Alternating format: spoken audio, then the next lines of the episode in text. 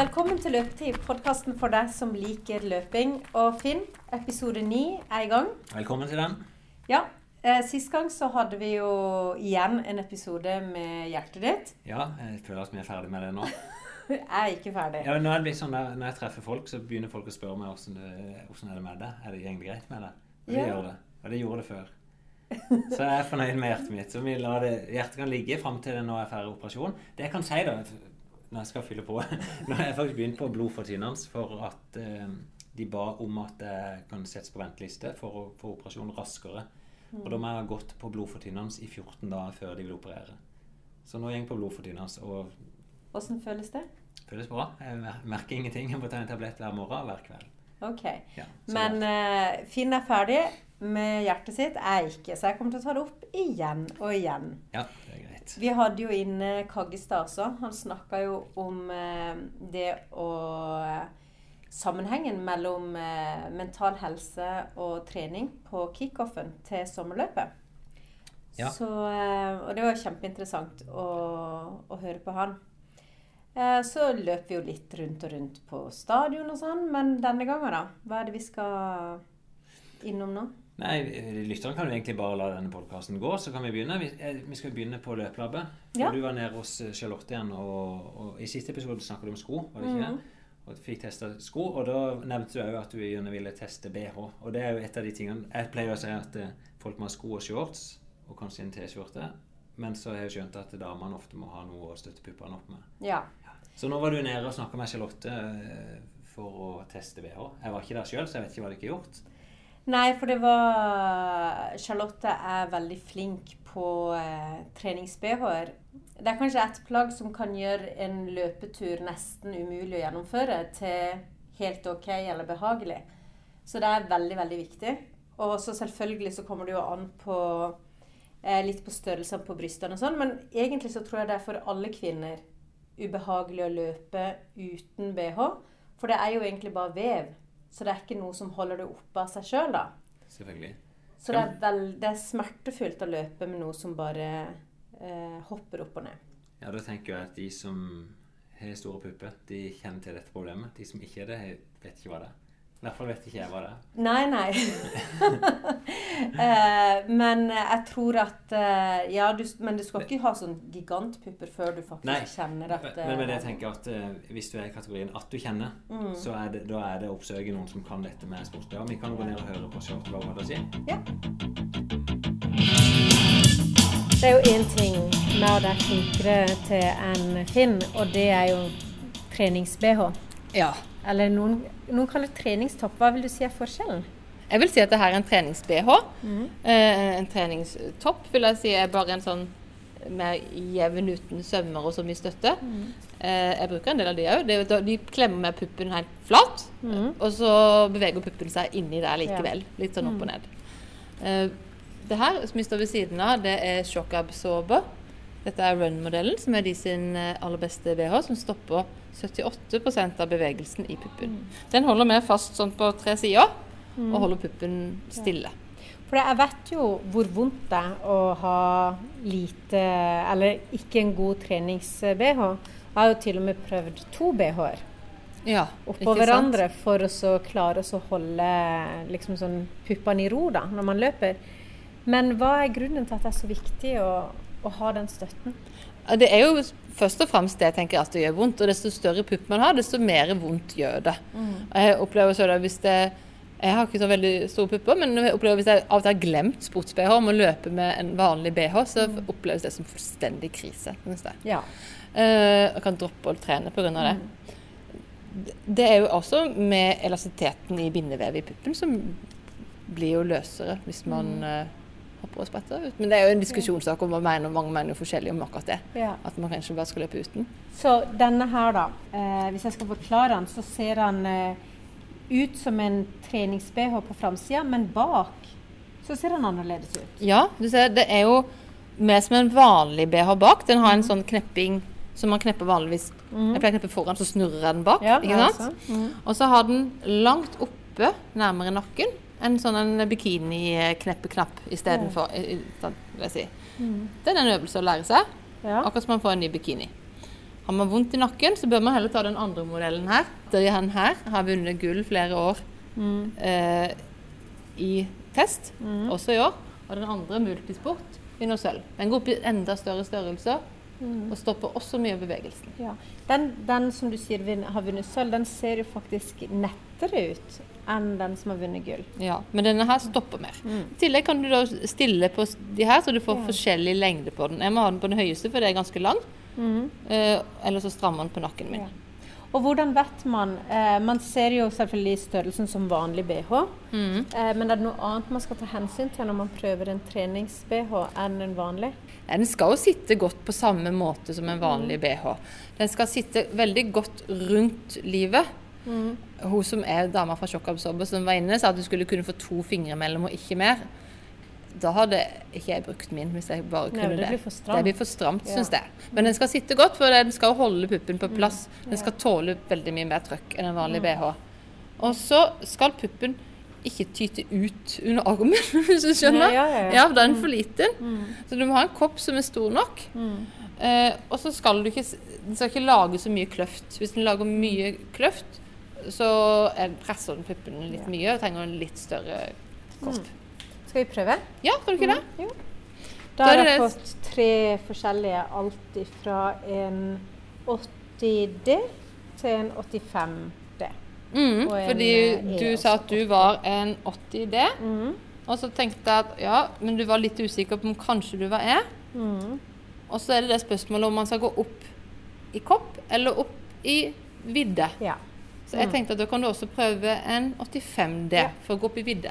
Mm. Men da skal jeg gå inn og prøve. Mm, da skal jeg hjelpe deg litt. For. For det er ikke så lett, men nå går du feil vei. Å ja. Sånn. Så begynn med den du ja, trodde kanskje først. Det er jo veldig Nå er jo jeg veldig takknemlig for, for at dette er lyd, da, så slipper man å, å se dette her nå.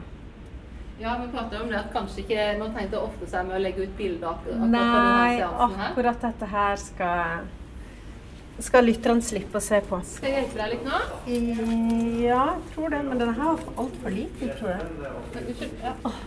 Det skal være litt sånn uh, Litt siden på. på. Altså. Oh, ja, ok. Og spesielt akkurat den der prosessen når man snurrer den rundt. Ja, den vil Ja. hard. For det er jo, det er jo tøffere saker enn en uh, pynte-BH. Jeg tror jeg får to fingre mellom, men det er jo Skal vi se. Sånn. Ja. Hvis jeg kommer inn der. Ja, Dette er 80E. Mm. Så jeg knepper den her. Mm. Da er det viktig, som du har gjort, at du har tatt den i den ytterste Ja. hake. Det er sånn som med BH. Jeg syns den kanskje føles litt trang. Ja. Ja. Jeg hadde gått eh, Det her er 80E. Da hadde jeg gått en 85E. fra den. ja, det er litt vanskelig å puste. Og litt vanskelig å sånn Åssen får du av den opp på toppen? Det er akkurat som en ny bikini som er litt sånn øvelse, mens jeg tar opp for deg nå. Skal jeg det? Ja. Det var en 80D du hadde nå, det var ikke en 85D for denne her. her. ja. OK. Ja, så da kan det hende at det blir et stort hakk. For jeg tenkte 85 i stad, skjønner du. Ja. Så da kan det hende at det blir et stort hakk opp til den. Sånn. Sånn skal jeg kneppe den Denne her. sett mye, mye bedre. Ja. Her. Nå snakker vi. Mm. Så ser her nå, så sitter den, men du har litt du kan dra litt i den her. Ja. Spørsmålet er om kroppen Nei, kroppen ser veldig fin ut. Ja. Ja, men da skal jeg prøve denne BH-en. Ja. Og så se åssen eh, det går. Om det, for det er virkelig var det en annerledes følelse å ha på. Og de er jo litt dyrere kanskje enn eh, De koster jo 800 kroner. Noen av de med årets farge er 850. Men det eh, som vi prata litt om i stad, så er det hvis du kjøper en skikkelig BH, hvis man har en stor byste, så koster jo det fort rundt en tusenlapp. Ja. Så jeg tenker at eh, en sports-BH skal tåle mer enn en vanlig BH. Så det er en grunn til at den koster litt. ja. Eh, Sjokkabsorberdama anbefalte å vaske den forhånden med Milo eller noe. Jeg gjorde det i begynnelsen, så putta jeg den i vasken med Milo når jeg dusja. Ja. Men sånn etter hvert så hiver jeg den i vaskemaskinen på 40 grader. ja. Eh, men jeg bruker flytende vaskemiddel, ikke sånn pulver. Og det gjør jeg egentlig på alt treningstøy i mitt liv. Mujer atrás. Du, interessant. Dette er et helt nytt eh, område for meg som, eh, som både løper og løpetrener. Heldigvis, da. At ikke Ja. du trenger Men- løpe-BH. Eh, jeg, nå vet ikke hvor mye erfaring du hadde med dette fra før, men funker dette bedre enn de BH-ene du har brukt før? Ja, nå skal jo ikke jeg være sånn der selger, da, men det var en sinnssyk forskjell. Husker du det, Finn, at det, når vi har vært ute og løpt, så har jeg følt meg som en sånn elefant som har liksom sånn Og jeg sier alltid at det Ja, ja, du har sagt at det bumper. Mm, og den Det var faktisk Det kom faktisk ifra puppene. Er det sant? Ja. Så når de fikk liksom lov til å være helt klistra til kroppen, så er den følelsen vekke. Da er det bare å gratulere. Det er, det men det har i hvert fall lært noe nytt. At Mm. For folk som er litt fyldige i brystet, de bør kjøpe seg skikkelig sports-BH, klistre de tett til kroppen, og så, er, så gir det en bedre løpsopplevelse. Mm. Og det er jo ikke det. Jeg har ikke løpt med vanlig BH før. Jeg har kjøpt eh, greie sports-BH-er på sportsbutikk. Men dette her var noe helt annet. Som eh, det kommer fram i saken, da, så er det både knepping, eller vanlig knepping, og så er det én knepping til oppå, som gjør en ganske stor fordel. Det var kjempevanskelig å ta den på da. Så ja. jeg var veldig glad for at eh, ingen så det, for jeg styrte masse med å både få den på og få den av. Men jeg regner med at jeg lærer meg det etter hvert. Så det er Hvis man ønsker å gjøre en kjempegave til seg sjøl, så er det å kjøpe en sånn en supergod løpe-BH. Og hvis man har lyst til å gi en kjempefin gave, så kan man kjøpe det og gi det vekk. For det var Ja, men sånn jeg skjønner dette, du kan ikke bare gå ned og kjøpe en sports-BH til dama di. For den må tilpasses. Ja, eller du må i hvert fall være ganske sikker på størrelsen. Det er vanlige BH-størrelser, da. Ja, ok. Så du kan følge Hvis du kan eh, Men, men det høres jo ut som at de ikke måtte prøve litt, og det var litt for liten, den ble litt for stor, den ble litt Ja. passelig. Så Mm. egentlig det beste rådet må ha vært å gi til et gavekort på dette, og, og sende de Mm. ned og få testa ut. Og da kan du jo teste på tredemølle og alt, og kjenne Ja. om dette funker. Du, eh, vi kan gå rett på neste sak. For det, du var og fulgte med Eivind i garasjen. Mm. Jeg hadde jo lovt til det at eh, ei økt som jeg bruker ofte, det kaller jeg en pyramideøkt. som er Eh, jeg bruker den ofte i oppkjøringer mot maraton. For det, at, eh, det er lett for meg å få god varighet på økta, og det er viktig. Altså det å holde på lenge. Samtidig som det gir en veldig god variasjon. Eh, og Jeg skal fortelle litt om den økta før vi går inn, for det kan være litt sånn forvirrende. Så, eh, vi, vi begynner egentlig så enkelt som å springe fem minutter, fire minutter, tre minutter, to minutter, ett minutt. Så det er en serie ned. Det tar akkurat 15 minutter. Og så repeterer jeg dette tre til fire ganger. Så på den økta vi skal inn og høre nå, så gjorde det vil si tre til fire. Eivind gjorde to, og så gjorde jeg tre pluss litt på den fjerde. Mm. Men det som Så- også er interessant, det er jo det må du fortelle med at du øker Ja, eh, og det er det som gjør det er variasjon i økta hele tida. For, for min del så begynner jeg på jeg begynner på 16 km i timen på det første femminuttsdraget. Og så hver gang jeg kutter ned et minutt, så øker jeg farta med en halv kilometer i timen. Så da springer jeg ikke sant, fem minutter på 16, fire minutter på 16,5, tre minutter på 17, så er det 17,5 og 18. Og så neste serie så forskyver jeg alt en halv kilometer opp. Høres Ja. ganske komplisert ut, da.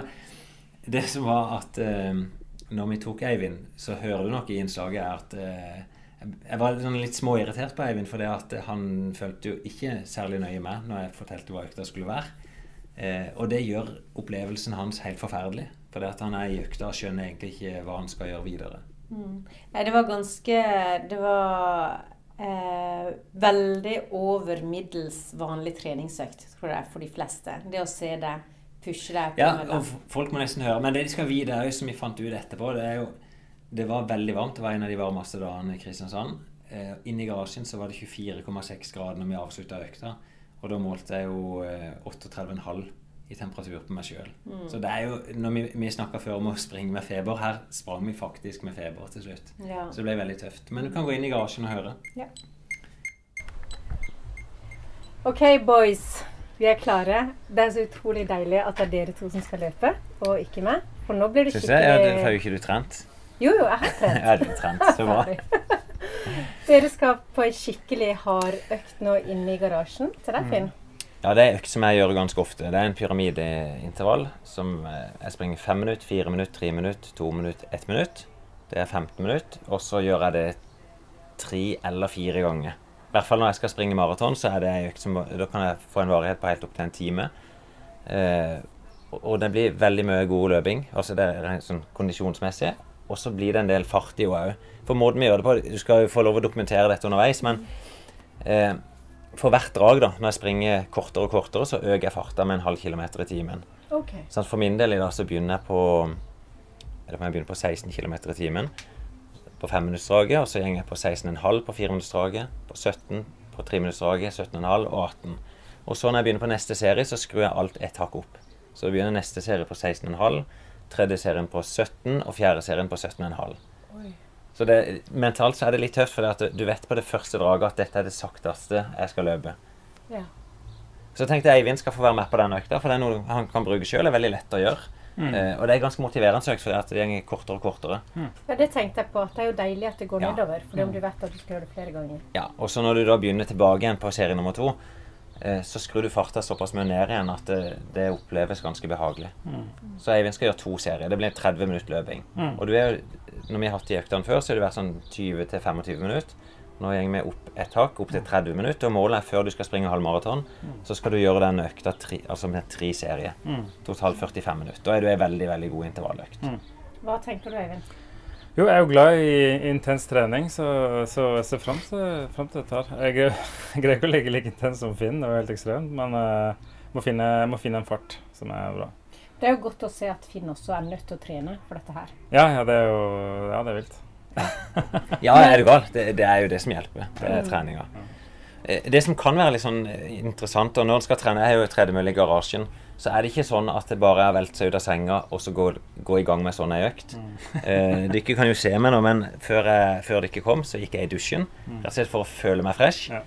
Eh, så skal du slippe å kjenne stanken av meg når jeg på sida. Nei, men jeg gjør ofte det før konkurranse òg. Føler seg litt fresh. Så jeg har tatt på meg litt eh, om jeg kan si stilig treningstøy, da, men jeg har til og med solbrillene på. Sånn at jeg føler meg klar. Litt sånn som jeg skal inn og konkurrere. Eh, For det er mye lettere også å få gjort den kvaliteten som jeg skal. For jeg vet at dette koster litt mentalt. Det er jo veldig kul i rødt og svart. Tusen takk. Og så cap som har ja. Ja, Jeg ble spist av robotgressklipperen min i stad, så eh, jeg ser sikkert egentlig ut som en sånn eh, uteligger. Men inni meg så føler jeg meg veldig bra, for jeg ser jo ikke at han er herpa oppå. Nei, litt Du har slåss, det er som du har slåss med en bjørn. Og så eh, Det er ganske varmt i garasjen. Jeg svetter mye, så jeg har med meg to håndklær. Og jeg har med meg en shorts på meg, og så en med meg som jeg kommer til å skifte. Det kommer vi til å dokumentere, selvfølgelig. Ja, og grunnen til det er Jeg har jo løpt veldig mye her. Det blir veldig varmt. Eh, lufta står jo stille mer eller mindre, selv om jeg har vifte der inne. Så etter hvert så renner det så mye ned at det begynner å renne altså, gjennom shortsen nedover beina og ned på mølla. Eh, og da bytter jeg heller bare shorts etter hvert. Og derfor springer jeg med caps på begynnelsen, for den suger til seg litt svette.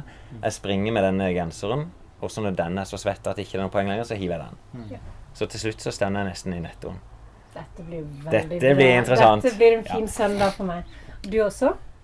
I nettoen? Uh, nei, eh, nei. Her bokser hun, Kanskje i boksen. Vi får se. Ja. Nei da. Det som kan være litt vanskelig på en sånn økt, det er å vite hva, hva skal åpningsfarta være. For det, at det er liksom point of no return. Det er når du setter startfarta, så skal den egentlig da øke hele veien. Nå er ikke det sånn at hvis den bommer, så, så er det jo bare å justere. Mm. Eh, og det kan være at du kjenner på økt, eller serie to at eh, vet du hva, det var mer enn fort nok. Da øker du ikke noe på serie nummer to. Men tanken er at du skal begynne litt sånn safe, da. Mm. Eh, Kan du nesten regne at den første skal være litt oppvarming? Jeg pleier akkurat på den, som, Det er litt brutalt, syns jeg, å gå rett på den. Så jeg pleier å varme opp i fem minutter. Eh, og da, for min del, jeg vet at startfarta mi skal være 16. Uh, det jeg gjør da, er at jeg tar uh, i, de, I løpet av de fem minuttene så begynner jeg 12, 13, 14, 15, 16. Så jeg får liksom bare løpt ett Mm. minutt på hver. Mm. Så på slutten av oppvarminga så er jeg innom den farta jeg skal starte i. Og det er jo musikk, det er skjermer dere kan se på, Ja, så ja. det er fullt utstyr. Ja, og det er litt viktig. Eh, bare gjør en liten forberedelse for å rigge opp sånn at jeg har musikk. Det hjelper litt mentalt. Og så har jeg en skjerm der Nå har jeg satt på Mission Impossible 4, tror jeg det. Mm, er. Eh, vi kommer ikke til å følge med på det, Nei, nei. men det, det skjer noe foran trynet ditt. Mm. Eh, hvis jeg skal springe en rolig tur, så har jeg ofte noe, en dokumentar eller det kan være en serie du kan følge med på. Mm. Men på en intervall så kan du ikke følge med. Du må kunne bare gå ut av rommet i pausen og inn igjen. Ja. Så nå står vi jo utenfor, eh, og her, det er kjøligere her ute. Det kommer til å bli kokvarmt. Jeg skal se hvor mange grader det er her nå. Det blir badstue. Ja, det, det er 21 grader inne i garasjen. Eh, jeg tipper når vi er ferdig, så kanskje det er 3-24 grader der inne. Fordi vi, vi produserer litt varme. Ja. Så er vi jo hot i utgangspunktet. Men den økta er jo da, ikke sant? Jeg sier at det er god kondisjonsøkt. Ja. Eh, da er det den totale varigheten som egentlig teller. Mm. Så mange minutter løpt i høy fart. Da kan du tenke, og høy fart, hva er det? Det er sånn at eh, du ligger på si, rundt anaerob terskel. Det er bra. Ja. Og mulig vi gjør et stikk på Eivind underveis for å kontrollsjekke. Eh, så er det litt sånn Hvor fort skal Eivind starte? Mm. Hmm, du vet, du sprang eh, 10 km på 47 minutter. Mm. Da snakker vi sånn 13 km i timen. Da er du litt forbi anarob terskel. Mm. Eh, så jeg tenker du skal starte 12 eller 12,5. Mm. Jeg vet ikke om du har noen mening om det sjøl. Vi kan si, jeg tror vi skal si 12, og så bygger vi opp derfra. Ja, vi gjør det. Vi begynner der. Ja. Men da er vi i gang. Vi er i gang.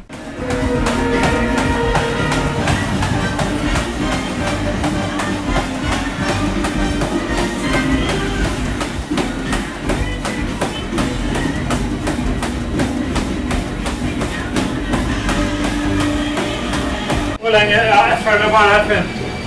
Ja, vi følger bare med. Sånn, da er klar. Og det er alltid en halvt minutt, eller halv, halv kilometer opp i fart for hver. Ja, Vi varmer opp 4,5 minutt.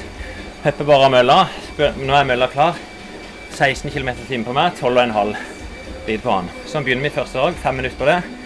Så følger du bare med hele veien. Kjempe. Og så føles det. Det er godt. Bra, bra, bra. Jeg Er klar? Da er vi klare, Yes.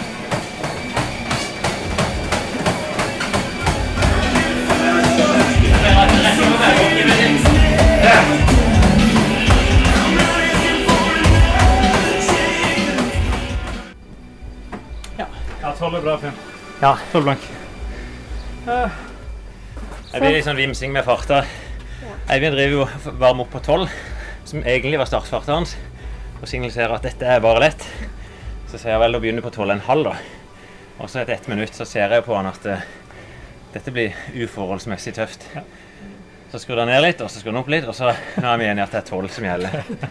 Og det er ikke noe eh, Det er jo det som er problemet til folk hele tida. Og Eivind òg vil alltid begynne for hardt. Yes. Og så er det så lett for å gå i dass. Hvis du er åpna for rolig, så er det jo bare å ta en serie ekstra. Så, så får du enda bedre økt. Så det er liksom det en må holde seg til. Men åssen er det å holde det så lenge? Fem minutter Ja. det er litt uvant, tipper jeg, for Ja, det er uvant å ligge vi i gang. Hvordan føles det, Eivind? Jo, det er, det- dette er hardt og skal bli hardere. Ja, det er jo egentlig ikke veldig hardt, men det er mentalt litt sånn uvant. Jeg er Ja, vant det her er det. inne. Du. Springer 12,5 km i timen, som er liksom under terskel for det. Ja, det er det. Men det som er Det er lett å bli lurt til å tenke at dette vil aldri gå. Jeg som har løpt så mange av de øktene, det er bare inn på autopilot og så bare gi faen. Når jeg skal inn mot maraton, så springer jeg i disse pausene. Da springer jeg på 15 km i timen. For det er jo til syvende og sist det som er kravet der. Da må jeg i gang igjen. inn igjen. Da var første draget over. Det er ikke første draget, men første serien. Første serien. Med 5, 4, 3, 2, 1. Og det, jeg ser for min del, ting er jo på automatikk. Jeg er litt i forkant. Eivind er ikke på. Og det kan jeg si, det er egentlig interessant, for det Eivind spurte om rett før det siste laget, var hva skal jeg gjøre nå? Hvilken fart og hvor lenge? Og det betyr for meg at han er ikke, han er ikke forberedt på økta. Nei. Det blir jæklig tungt mentalt hvis du bare springer og så lurer på hva det neste er. Jeg trodde vi skulle ha pause nå, eller at vi skulle begynne på nytt. Ja. Mm. Men derfor så gå alltid inn i, i sånne tøffe økter da, med Ja. videre nøyaktig hva du skal gjøre, og hvordan du skal gjøre det. Så er sjansen for å få en positiv opplevelse mye bedre. Som løper i regnskogen, altså. Nei, det er glovarmt. Nå er vi inne. Hvordan kjennes det? Vi er akkurat ferdig med fem minutter og fire minutter. Eh, det er mulig at jeg holder med to pyramider for meg i dag, altså. Det er jo det du skal ha. Yes. Og nå kjenner jeg begynner å tenke mindre og mindre. Så det er liksom kun fokus bare på å holde med Jeg skal ikke levende, men holde det lette steget. Nå tenker jeg mye teknikk, og så prøver jeg bare å la tida gå. Og så ser du, så svetter jeg jo Det er som et helsike. Du er ferdig med dine to. Ja. Kjenner det passer greit nå. Jeg skjønner ikke hvordan finne i den varmen i tillegg, og den intensiteten. For å presse seg enda to. Men Finn, du har en enorm sånn der eh, drive. Du er liksom sånn super oppe. Men det er, jeg gjør jo dette veldig på rutine. Jeg, jeg vet jo hva jeg går inn i, og det visste ikke Eivind, så det er jo litt sånn urettferdig. Første gang for alt så er det en sånn barriere å bryte. Neste gang han gjør den økta, så vil han vite når han begynner på tolv at han er trygg. Det går. Og så er det litt det som jeg, når jeg spurte Eivind i stad om hva er det egentlig som gjør vondt, så tror folk kan tenke litt på, for du kan bli sånn skrudd at dette er bare vondt. Å- hvis du klarer å isolere det, sånn som det er varmen, faktisk. Det er ikke løpinga i seg sjøl, så jeg da så skiller det. Og sier OK, det er jæklig varmt, men jeg føler meg dritbra. Og det var min tanke på slutten der. Og så prøver jeg å bruke musikken til å løfte meg sjøl opp. Nå skal jeg gå i gang. Jeg får to minutter pause på denne, men Og kjenne at jeg tar meg ordentlig ut. Eh, Så jeg kjenner det er en veldig effektiv, eh, veldig effektiv økt. Jeg greier å presse meg raskere enn jeg vanligvis gjør på intervall. Men jeg tenker, nå er du jo tilbake litt til mølla, der Ja. du var før vi begynte med dette Ja. prosjektet. Ja.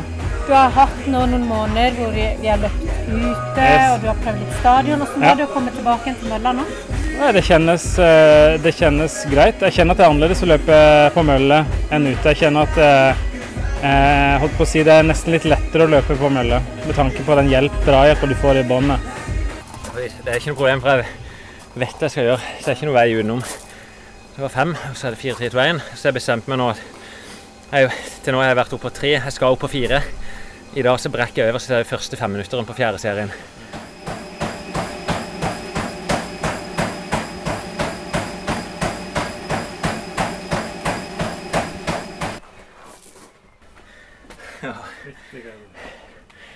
Ja. Det var bare vondt. Det er så varmt. I den varmen din. Jeg tenkte bare å måle tempen og se hvordan det slår ut på en sånn dag. Nei, det er tøff økt. Den store utfordringa er det er veldig varmt. Det var 24,6 grader. Prøver å ha noe vifte på men det funker bare sånn halvveis. Det blir sånn helt kokt. Det kjennes liksom ja, som å ha ordentlig feber. Det er derfor jeg tenkte å bare sjekke hva tempen egentlig er. Og tempen stiger jo normalt når en trener. Men Hva tenker du når du har utsatt deg for en sånn økt? Hva er viktig nå? Eh, Jeg har tapt veldig med væske. Jeg er sikkert Nei, det var 38. Det er egentlig sånn som det skal være etter fasit. Litt over 38. Ja, så Plussen typisk på en halv på de der. Så 38,5. God arbeidstemperatur. Men jeg har sikkert tapt la oss si to-tre liter med væske. Så Som regel så pleier jeg bare å gå inn og så måler jeg opp eller til den største saftmugga mi, fyller den med saft. Og så drikker jeg den i løpet av 15-20 minutter. Det er det viktigste. Så tar jeg typisk ei brødskive så jeg, da er det i boks. Og jeg normalt da etter sånne økter så blir jeg litt satt ut. Det er ekstremt. og det, Når det begynner å gå 45-50 minutter intervall, så blir du nesten satt ut som på en konkurranse. Så ja. Ta litt med ro, og så blir det en fin dag. Det er i hvert fall effektiv økt. Hva tenker du i forhold til Du sier at dette er opptrappinga di til eh, løpe maraton, og du skal løpe fort i Ja. eh, nå, Det første maraton som kommer, er det viktig for deg å gjøre det bra på Ja. tid. Og så neste er litt mer sånn eh, Ja, jeg, skal, jeg skal springe i Berlin og New York. Og Berlinløypa er jo mye lettere. Det er der de er verdensrekorden. Så hvis folk skal perse, så anbefaler jeg å prøve å komme inn der. Også er New York det er opplevelse. Um, og der har vi flere fra løpeklubben som skal inn, og noen springer for første gang. Så jeg har sagt til noen av de, bl.a. Joakim på jobb, at eh, hvis han vil, så kan jeg springe sammen med han. Men det er ikke alle som vil ha følge på en maraton, for det kan være eh, irriterende nok å ha noen som springer og spreller på sida. Og Det opplevde du i stad. Midt i en drage så begynte jeg å, ville ta en liten prat med meg om helt andre ting. Og, og når du er i den bobla, da er det vanskelig å, å gå ut av det. Men åssen føler du at formen er mot maraton, da? Jeg er på god rute. Jeg hadde ikke vært eh, bra på et maraton i dag, men det handler om de her siste forberedelsene. Å få tre-fire gode, lange turer. Det er viktig. Og så tre-fire sånn ordentlig si, økter i maratonfarta fra to-to-en-halv mil. Da vet jeg at det blir bra. Men på veien der så må du nødt til å bygge deg opp så du tåler det. Så derfor strekker disse intervalløktene litt og litt lengre. Får de opp i en time, og så begynne å springe mer kontinuerlige, tøffe turer. Men som jeg sa, den økta her kan du òg gjøre med løpende pauser. Først, den som introduserte meg for økta, var Øystein Sylta, og, han sprang i pausene etter hvert. Bare holde en sånn jevn, god fart der òg. Det er jo sånn, Noen minutter etterpå så kjennes alt greit ut. Og når du sto her for 20 minutter siden, så var du du sto og der og hadde litt trøbbel. men det er jo, til de som hører på, så er det jo ikke sånn at alle øktene skal være sånn. Men noen økter jeg kaller det utviklende økter. Du må strekke deg litt ut av komforten. Og det, det handler ikke om å spurte maks, som du ser. Det handler om å liksom, pine seg litt over tid. Og det er jo det løpene handler om. Å tåle det. Og du, du blir faktisk flinkere til å pine deg. Det er en effekt av trening. At uh, du klarer å utstå den eh, litt sånn kjipe smerten. Nå, Eivind, når vi akkurat hørte deg i garasjen. og Den økta gjorde vi forrige søndag.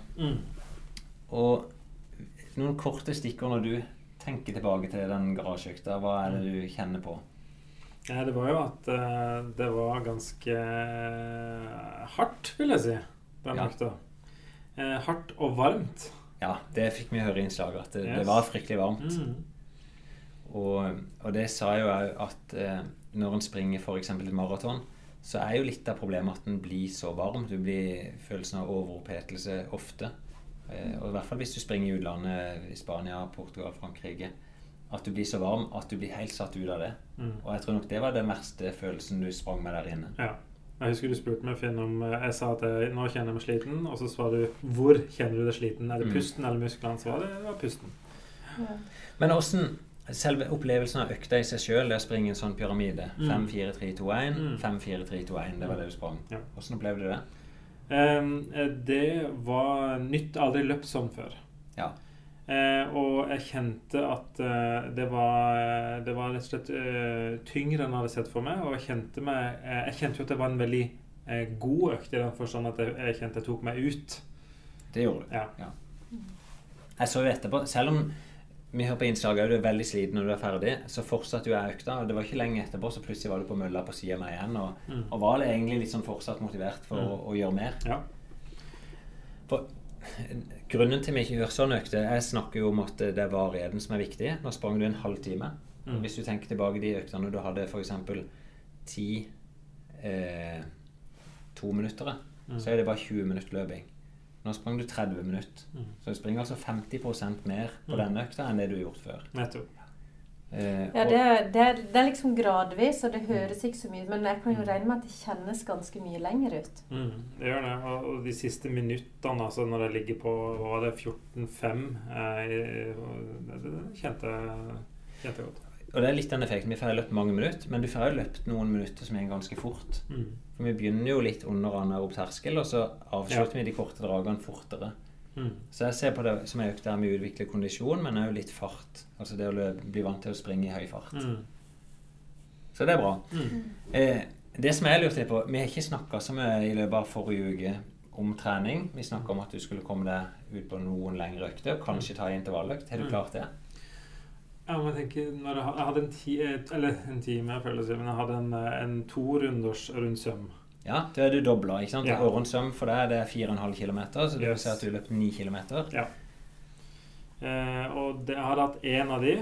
Og bortsett fra det så hadde jeg kjørt sånn halvtime, altså én runders økta, da. Eh, Skal jeg tippe at ikke du har hatt intervall? Eh, vel, eh, jeg sprinta Eller ja, jeg sprinta jo oppoverbakkene. Eh, så ikke lagt inn sånn type 'nå skal jeg løpe intervall' og ikke. Så jeg kan jo si nei til det. Har Ja. ikke det. Det var litt det jeg var redd for etter vi hadde vært i garasjen. At uh, Mm. dette er litt sånn som du trente før. ikke sant? At Ja. Vi pusher deg så hardt at du kan få litt avsmak. Ja. Og det er liksom når folk spør meg hvilke økter er det som er gode, så er denne økta er god, Mm. men det er ikke for alle. Mm. Så det er ikke sikkert dette er en økt som Mm. passer deg så godt.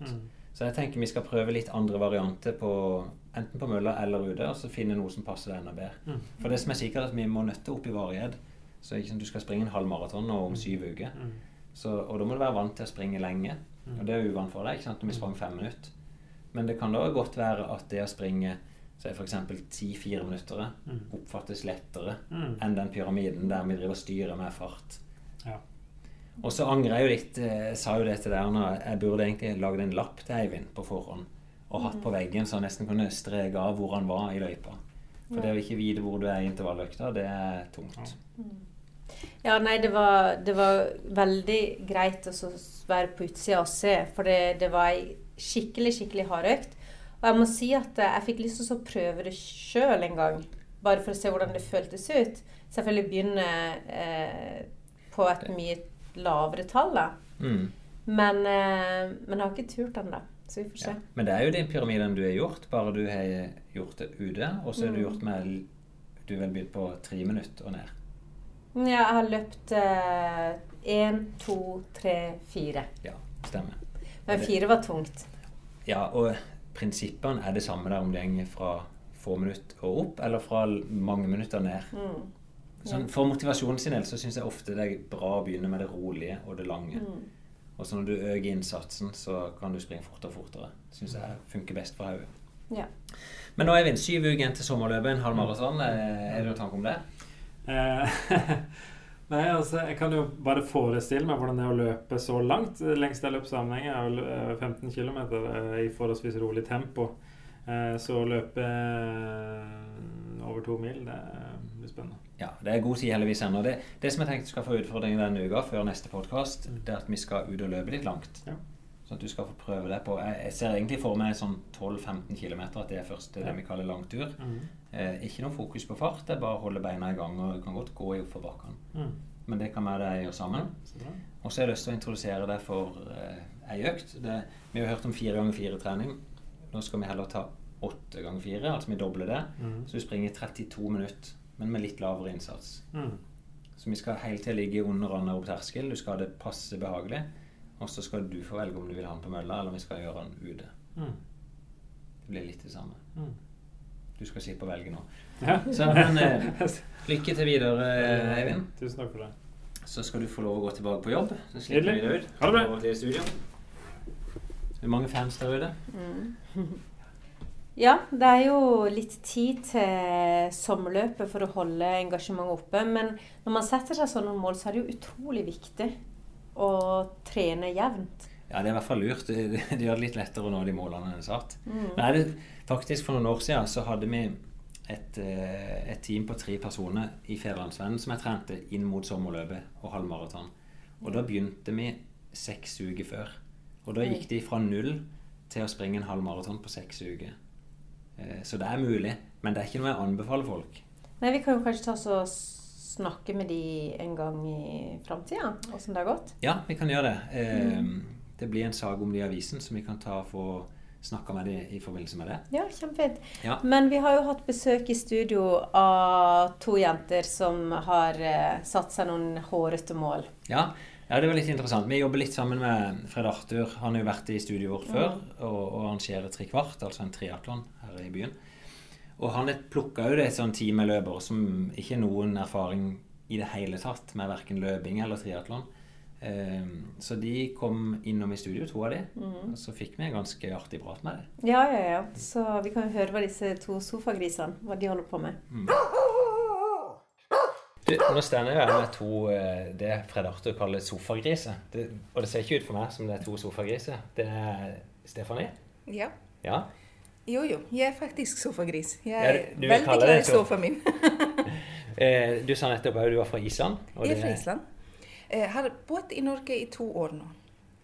Og Så flott. Og, og så, men, bor du her i Kristiansand òg, da? jeg bor i Kristiansand, og her eh, vi har vært her i halvt år. Begynte å studere på uh, universitet i januar. Stemmer, Stefanie. Og eh, du er klar til å melde deg på dette prosjektet. Jeg kaller det prosjektet til Fred Arthur. Ja, Men- det var et tilfelle. Jeg eh, fant eh, Herbalife sin Fit-klubb på Facebook. Ja. Bare for et tilfelle. Bestemte å møte opp. Møtte med ei dame som het Anita. Og hun har ja, tagit hand om um mig, eller vad man säger. Hon, hon, hon sörjer nöje för mig och passar på mig. Eh, eh, de Herbalife-folken ja. Eh, eh, har sagt mig eh, ifrån eh, tre kvart och jag mötte upp till en öppen dag på Aquarama. Ja. Och det egentligen bara skedde att jag meldte mig på Det som er åpenbaring? Ja. Ja. Meldte deg på tre kvart, eller På meldte deg på dette prosjektet? På, på tre kvart. det Gjennom dette prosjektet. Men hva er det som driver Du kommer fra Island og kaller deg selv en sofagris, som velger det mest ekstreme du kan gjøre, som er en triatlon? Islendinger er litt gjerne. Ja. at de er litt Gal i hodet. Å ja, gal i hodet? Ja. Bare, vi er ekstreme folk. Jeg er en ekstrem menneske. Jeg, jeg var ekstremt overvekt. Jeg var 170 kilo. Oi, ja. Ja, på en måte alt jeg gjør, gjør jeg litt grann for stort og, og har litt for hva skal vi si, høye forventninger. ja, definitivt. Det gjør du jo Ja. nå òg, da. Du, du legger lista på øverste Ja. nivå. Og nå har jeg ligget på sofa veldig lenge. Det må skje noe ekstremt. Så du bruker, Det er faktisk litt det samme som jeg bruker med mine utøvere. Jeg sier sett deg et litt sånn ekstremt hårete mål. Og det gjør islendingene òg, tydeligvis. Du er verdt 170 kilo, du er på vei ned i vekt, så vekta er jo tydeligvis noe av det som driver deg. Ja, så klart. Ja, men for da tenker du, Er dette et vektprosjekt for deg, eller er det, hva er det for å komme opp av sofaen? Å komme opp av sofaen. Det er ikke vektprosjekt fordi jeg kan ikke la vekt definere meg lenger. Fordi dette har jeg gjort i 30 år. Ja. Og det har gitt meg dårlig resultat. jeg må ha nye resultater. Og nå lærer jeg meg øh, å sette delmål. Mindre På veien til dette ekstreme mål, øh, trikvart f.eks., ja. eh, så, så lærer jeg meg delmålene. Og har oppnådd dem. Og jeg oppnår et mål hver dag. Og jeg oppnår et delmål hver uke. Det er jo som en lærebok, dette, Ja. i, i hvordan du skal liksom sette deg mål og gjennomføre. Ja. For det er jo det vi snakker om. Sette seg et hårete mål, bryte dette opp i delmål og komme seg på veien. Men stopper det for deg på den dagen tre kvart er gjennomført? Nei, så må jeg finne et nytt ekstremt mål. ja. Det, og det kan jeg si sånn, eh, både av egen erfaring og med utøvere òg, at eh, det kan være vanskelig. Ja. For, det, for det blir veldig ekstremt for deg den dagen. Det blir, du kommer garantert til å lykkes, det er jeg sikker på. Ja, men det gjør du. Ja, Eh, så klart. men så er det så vanskelig den dagen du har hatt festen din, og så liksom skal du ta tak igjen Ja. Og ikke slippe seg ned. Ja, ikke sant. Og, og da tenker jeg i hvert fall det er lurt å drømme videre. Og det er gøy å høre at du sier at du, du tenker at du skal gjøre det. Ja. Det, nå, nå skal jeg få meg opp på sofaen. Eh, jeg tenker kanskje neste mål kan være å bli veldig, veldig sterk. Jeg vet ikke Ja, du- Så står vi med ei annen dame her òg, og, og det, du heter Irene. Ja. Eh, hun er jo òg fra ei øy. Flekkerøy. Flekkerøya utenfor Kristiansand. Hvordan kan du fortelle din inngang til dette? Det ligner jo på, på historia til Stefania her. Eh, Ikke 170 kilo på deg òg? nei, eh, ikke i det hele tatt. Men jeg for første gang i en alder av 35 nærma meg overvekt. Og, Ja. og hadde bikka grensa for det. Så jeg lå akkurat på den der eh, over i forhold til høyde, vekt eh, Ja, så det var, for deg så var det vekt som var triggeren til å starte noe? og, for, og formen. Og jeg måtte ha ny energi, og jeg måtte gjøre noe. Jeg måtte rett og slett uh, gjøre noe. Det, når du sier det, er det noe du tenkte før, at det å trene gir deg energi? Jeg tenkte bare at den eneste måten å snu dette på, Ja, det er å, å komme i gang med noe. Og for å klare å holde på langrenn enn tre måneder, så må jeg forplikte meg. Og Ja, da har du det der hårete målet ditt. Det, det treffer jo veldig bra, fordi Ja. da, da forplikter man seg eh, til noe utafor seg selv. Så du er på vei. Litt mer prestisje å gjennomføre, da. Kan, kan du fortelle litt hva slags type trening dere gjør nå, da? Hva er det opplegget til Trikvart og Fred Arthur er? Det er jo i begynnelsen at vi skulle ha ukentlige turer på inntil fem kilometer. Så begynte vi å gå lengre distanser. Ja, Så vi ikke begynte å gå? Ja, Ja, så bra. rett og slett bare gå. Komme seg ut og gjøre det hver dag.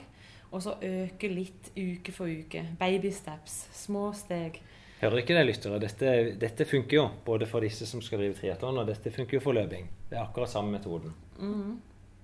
Så til slutt når vi begynte med løping, da, så var det jo å bare begynne så seint at vi ble flau hvis naboen så, som Fred Arthur så fint sa det. Og Ja. da, da, da løsna det for meg.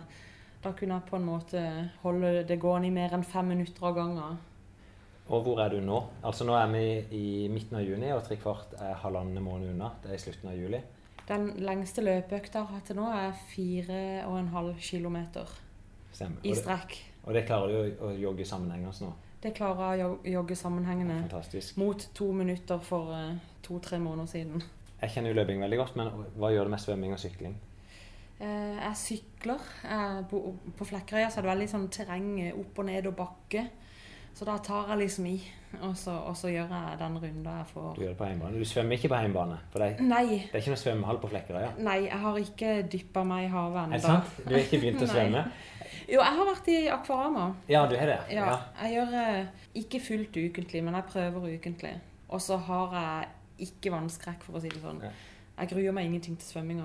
Nei, så bra. Ja, Det er ingen på ei, som bor på ei øy som kan være, ha vannskrekk. Det regner ikke med de er på Island heller. Nei, ikke vannskrekk. Men det er så Nei. mange som gruer seg til svømminga, så jeg lurer på om jeg kommer til å få sjokk. Jeg tror Er det så vanskelig, eller eh, Nei, nå spør du en Eller er det så lett Nei, som jeg, jeg tror det er veldig lett. Ja, Det er det minste problemet. må Ja, jeg er helt enig. Jeg, jeg tenker jo sånn til syvende og sist en triatlon så handler det om totalen som gjør det tøft. At det, det er stor varighet. Ja. Men gjør det ikke noe sammen? Altså, Dere møtes, snakker dere om, men trener dere sammen for å løfte nivået eller for å skape noe fellesskap? Vi møtes eh, vel eh, månedlig og har fellestreninger da. Ja. Der vi går gjennom eh, hver grein, har vi i hvert fall gjort det nå. Ja. Og så har vi òg hatt eh, fått ekspertråd, blitt tatt med på seminarer med bl.a. Finn Kolstad. Oh, ja, så bra. Ja. Det vi bor litt langt hver fra andre.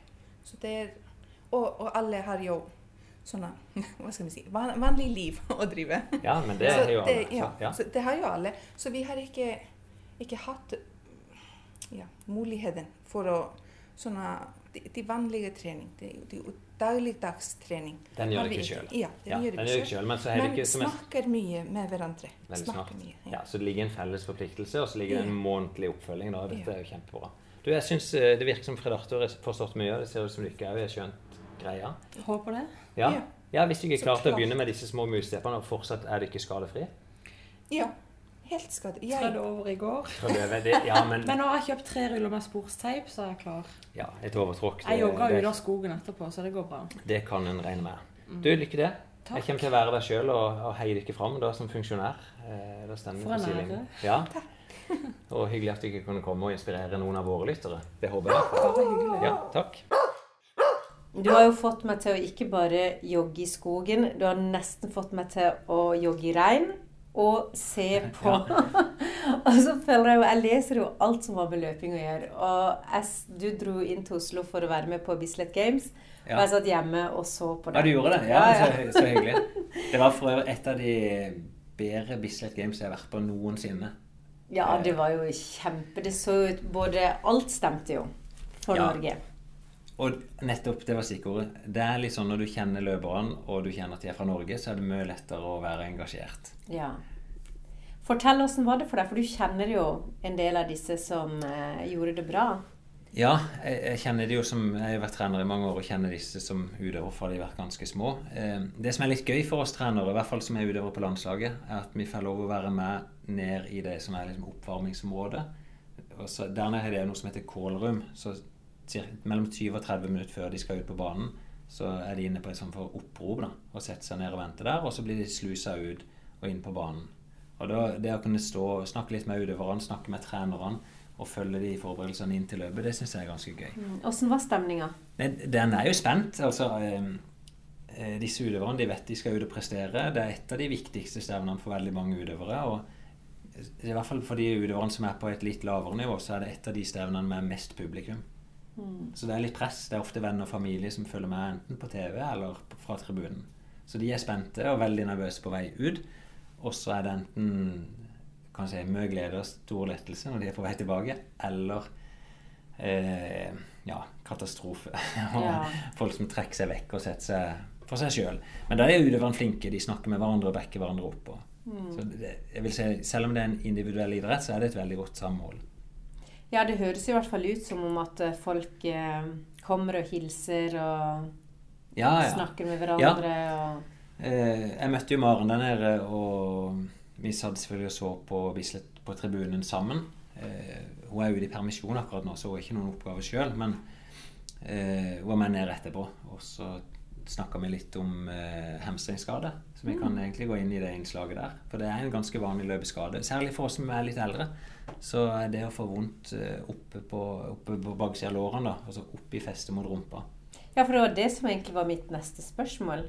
Hvor er hamstring? Ja, ja, ja det, det er muskelen på baksida av låret. Oh, ja. Sånn at hvis du stender med beina samla og bøyer deg fram med strake knær, der det strekker, Her. det er hamstrings. Okay. Den festes jo helt oppi rumpa di. Oppi sånn rundt siddeknuten, som det kalles. Og så festes den ned over kneet. Ja. Så den er lang Den er veldig lang. muskel. Ja, så den er mye å bli skada på. Ja. Det kan vi høre. Nå stender vi på Bislett stadion, og jeg har sett eh, et, i hvert fall et av de beste Bislett Games som jeg har sett. Ja, det var veldig gøy.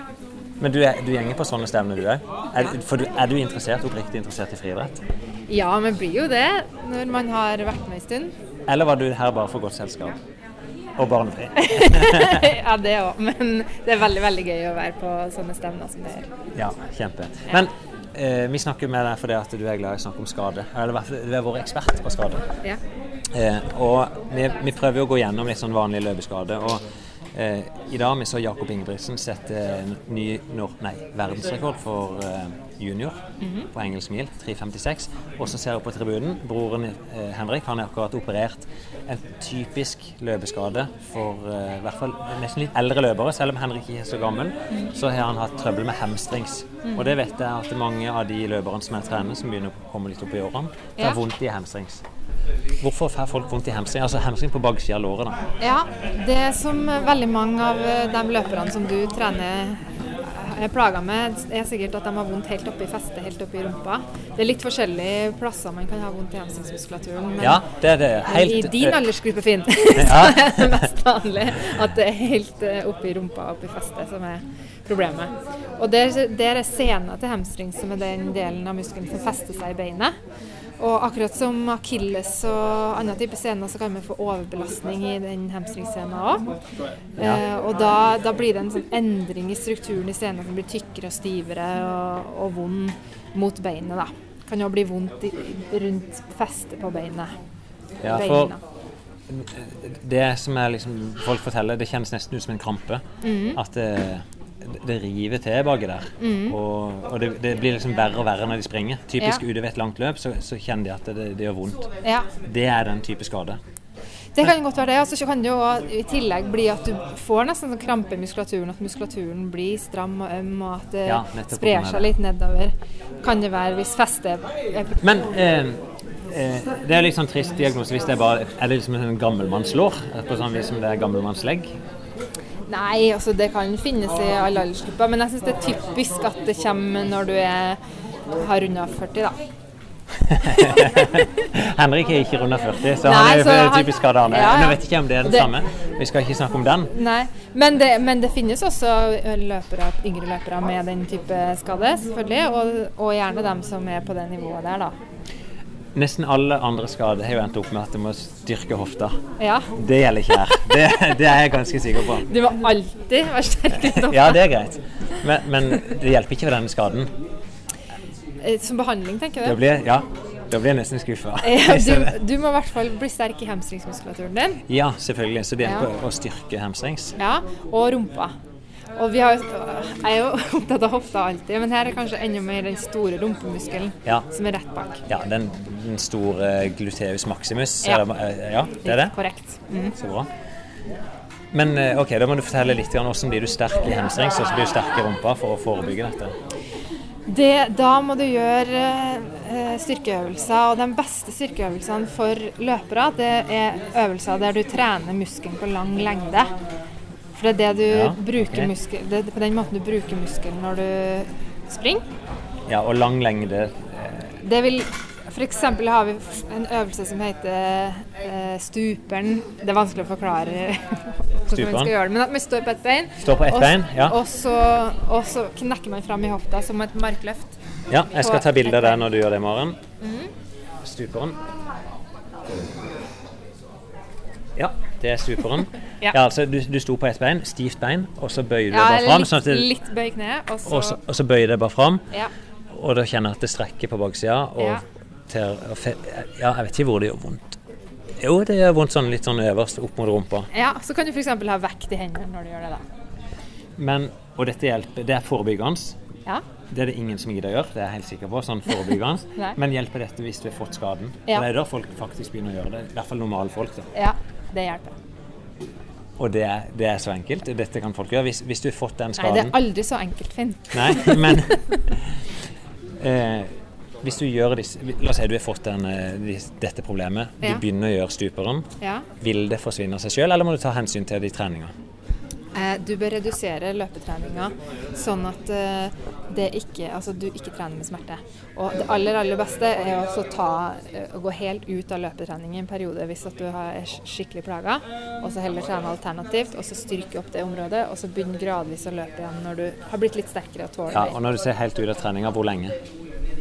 Veldig individuelt etter hvor, hvor eh, mye plaga du er og sånn, men du kan jo starte med to uker, da, så ser du om det er nok, eller om du må ta mer.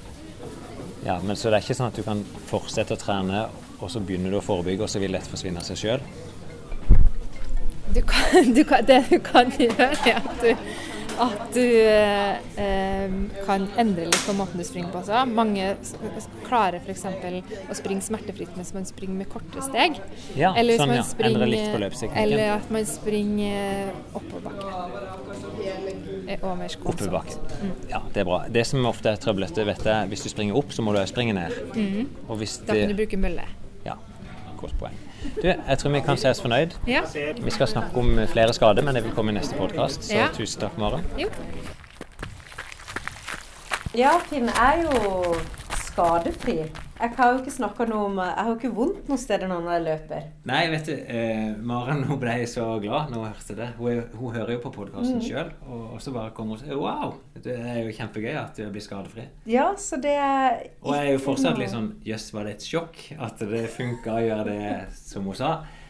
Ja, ja, eller som jeg har sagt før, da, så sjokket var jo ikke det. Jeg tror jo veldig på både det Maren sier og det du sier. Men eh, følelsen av å ha vondt, og det lille som skulle til for at det ikke var noen ting vondt Jeg følte at det var så lite som Ja. skulle til. Det er vel egentlig det som jeg er litt mer sjokka over. At det var liksom bare å være litt eh, Litt nøye med trening Ja. og, og det å ta det med ro. Det tror jeg, Eller løpe disse her, ikke begynne så hardt. Prøver jo å det til alle at det, det, det er det mest effektive. Det er fra null til litt. Mm. Det er der du henter mest. Ja. Og så er det jo ikke så mye å hente etterpå. Det er ikke sånn at du, Jo mer sånn øvelse du gjør, jo bedre blir det. Men det er bare å gjøre litt, så ser det ut til å ha en kjempegod effekt. Da. Og nå var du heldig. Ja. Ja. Men denne uka så var jeg jo ute og løp i skogen. Og da støtte på et litt annet problem. Og det er allergi. Ja, er du allergisk? Ja, jeg Ja. har pollenallergi i alle former og farger og fasonger. Ja. Og jeg trodde at det gikk greit å komme opp i skogen, og etter kanskje fem minutter så bare nøys og nøys og nøys. Og det å jogge og nyse, Nei, det er ikke noe behagelig. det Nei, var ofte- veldig ubehagelig.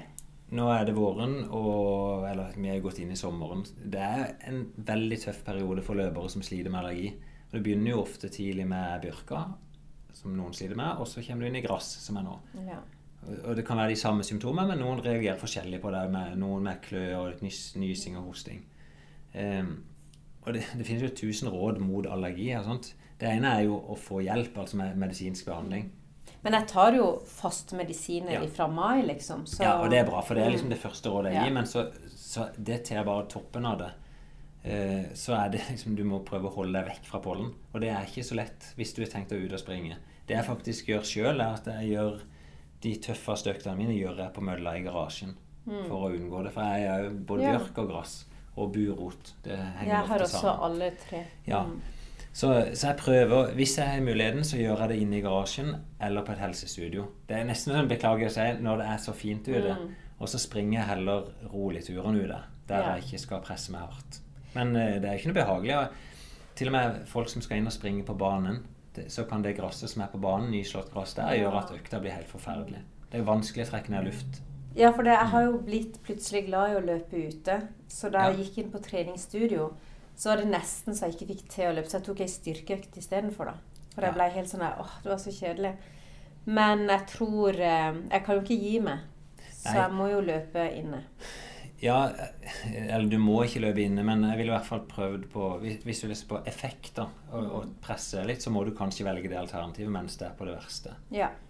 Og det kjenner du. Det er jo, jeg følger meg sjøl på pollenvarslinga, og, og de dagene de melder ekstremt på pollen, så vet jeg allerede nå at det, det er ikke noe poeng for meg å prøve å springe i hard intervalløkt. Nei. Men for min del så funker det å springe en rolig tur. Eh, men jeg kjenner jo at det er redusert, men jeg bryr meg ikke så mye om det. Mm. Nei, jeg endte opp med å da hoppe i vannet. Det er sånn et badevann. Ja, Så Ja. Men um, litt myter om løping. Vi prøver å finne ut av sånne rare ting i forhold til løping som man kan tro på. Noe er kanskje sant, men annet er ikke. Eh, og dette tror jeg ikke på sjøl, det må jeg bare få sagt. Sånn at ja for, for det er ikke alt som er myte engang. Dette For meg så er det liksom nytt at Hva? Er det noen som Ja. tror på dette? Nei, for eh, jeg kommer jo fra Uruguay, da. Og så var jeg der i ett år med dattera mi. Ja. Og da trente jeg på et helsestudio, og så hadde jeg lyst til å begynne å løpe. For det er sånn kjempefin strandpromenade i Montevideo. Så sa jeg det på treningsstudio da til eh, hun som eier det, at eh, jeg kom til å løpe noen ganger i uka, og så trene på helsestudio noen ganger i uka. Og da sa hun å nei, eh, kvinner bør ikke løpe, for det, får de, de, de får så mye cellulitter av det. Og teorien var da at eh, huden ble liksom slappere av å løpe fordi det hoppa liksom opp og ned den bevegelsen. Det må være hvis du springer uten sports-BH. det kan jo tenkes at det er så mye tyngde. Eh, nei, da må jeg ha en hel-BH liksom, som begynner fra anklene. Ja, jeg, jeg har faktisk aldri hørt om det før, at eh, det er en sammenheng, og det er nok ikke det. Men som kan si, en effekt av løping er at du forbrenner mer, og at du, du har i hvert fall potensial til å bli slankere. Og jeg vet ikke om det er det det kan oppstå fra, at liksom slappere hud fordi at du er gått ned i vekt. Men det er jo Men- kanskje det veldig mange har lyst til å oppnå, da. Eller i hvert Ja. fall det å gå ned i vekt. Jeg har i hvert fall aldri hørt av noen som begynner å komme i form, at, eh, form, at kroppen blir liksom til skade av det. Det er ofte bare en sånn positiv effekt. Ja. jeg, det, det kan, når folk går ned i vekt, så kan jo puppene bli mindre. Det kan være en sånn der bieffekt som, som ikke alle damer ønsker. Mm. Ja, nei, men Så- jeg skal ta Jeg tenkte eh, å sende henne For jeg har fortsatt kontakt med henne. Så sende en liten melding, og så høre, og så liksom så finner finne ut av teorien. For jeg vet at eh, i Latin-Amerika da, så er det veldig mange spørsmålstegn til kvinner og, og Ja. trening, da. At kvinner ikke skal trene på den ene måten og ikke den andre. Og, og sånn da. Men det har blitt veldig veldig mye bedre med årene. men det er for så vidt et interessant tema, for, og det kan vi jo som trenere diskutere av og til om skal jentene trene annerledes enn guttene.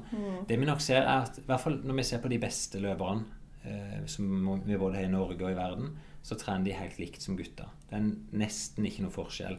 Det som kanskje en trener vil fokusere på, det er at jentene vil ha nytte av litt mer styrketrening enn menn. For menn har litt mer naturlig testosteron, er litt sterkere. Eh, og da ser vi at jentene med å bygge litt styrke kan ha en positiv effekt av det. Så det vil jeg anbefale til deg òg. Ja. Å kombinere løpinga med styrke. Mm. Men det er jo kjempeinteressant. Ellers så skal det ikke være noen forskjell. I hvert fall ikke som jeg kan si at det vet jeg om. Nei. Veldig bra. Da fikk vi jo noe veldig rart og litt Ja. flaut til å faktisk ha noe for seg. Ja, Eh, men vi, jeg tror vi nærmer oss slutten. Ja, vi, skal prøve, vi, har prøv, vi skal prøve å holde podkastene på rundt 50 minutter, har vi tenkt. Men det, det som er heldig med podkast, er jo lett å bare avbryte, og så kan du fortsette neste løpetur. Så Mm. ja, det er nå greit. Så det skal ikke bli maratonepisoder. Nei. Eh, men vi har vel noen tema til neste gang òg, som vi har begynt å planlegge på. Ja, du har jo begynt å få litt vondt. Ja, eh, jeg, jeg, jeg vet ikke vondt og vondt. Jeg snakka med Maren om en sånn hel skade som eh, er litt plagsom. Hun sier at det er en akilleskade, så vi kan være innom den. Mm. Det er ikke noe som plager meg mer enn at jeg fortsetter fullt kjør nå mot Berlin. Jeg har Det hatt mine tviler jeg ikke på. Jeg hadde min første tremilstur på søndag. Oi, oi, oi. Jeg har hatt ti ganger seks minutter på tredemølla.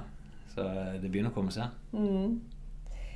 Så, så er du òg plutselig funnet fram ei bok, 'Født til å løpe'. Og det, det er jo alle løpere liksom det, det som har vært det store innenfor løping de siste 10-15 år. Så vi kan snakke litt om den. Ja, jeg skjønner Ja, jeg har jo ikke Dette er jo en helt ny verden for meg. Og så spør jeg deg om den boka, og det er visst noe som alle løpere kjenner til, da. Alle løpere, ja. Så, så nå må jo jeg også kjenne til den. Ja. Så jeg tenkte vi kunne ta opp litt av den. Ja, så skal vi innom arrangement som vi skal ha nå i august, som heter Dirty Girls. Ja, jeg har jo sett det liksom sånn der eh, Er- på Facebook, sånn, men jeg lurer jo veldig på hva det er for noe. Ja, Kan ikke vi få Kjenna, som er arrangør av dette løpet, til å komme i studio og fortelle litt om det? ja. Ja. Er det flaut? Nei, det er ikke flaut i det hele tatt. Okay. Det, det er for, både bra for de som skal delta, og en bra sak som løpet er for. Så. Ja. Kjempegøy. så er det vel noe å glede seg til. Men Imens fortsetter da løpet. er det bare å komme seg ut hvis man ikke har allergi. Da må man komme seg inn og løpe. Ja, det kan vi oppsummere med det. Ja.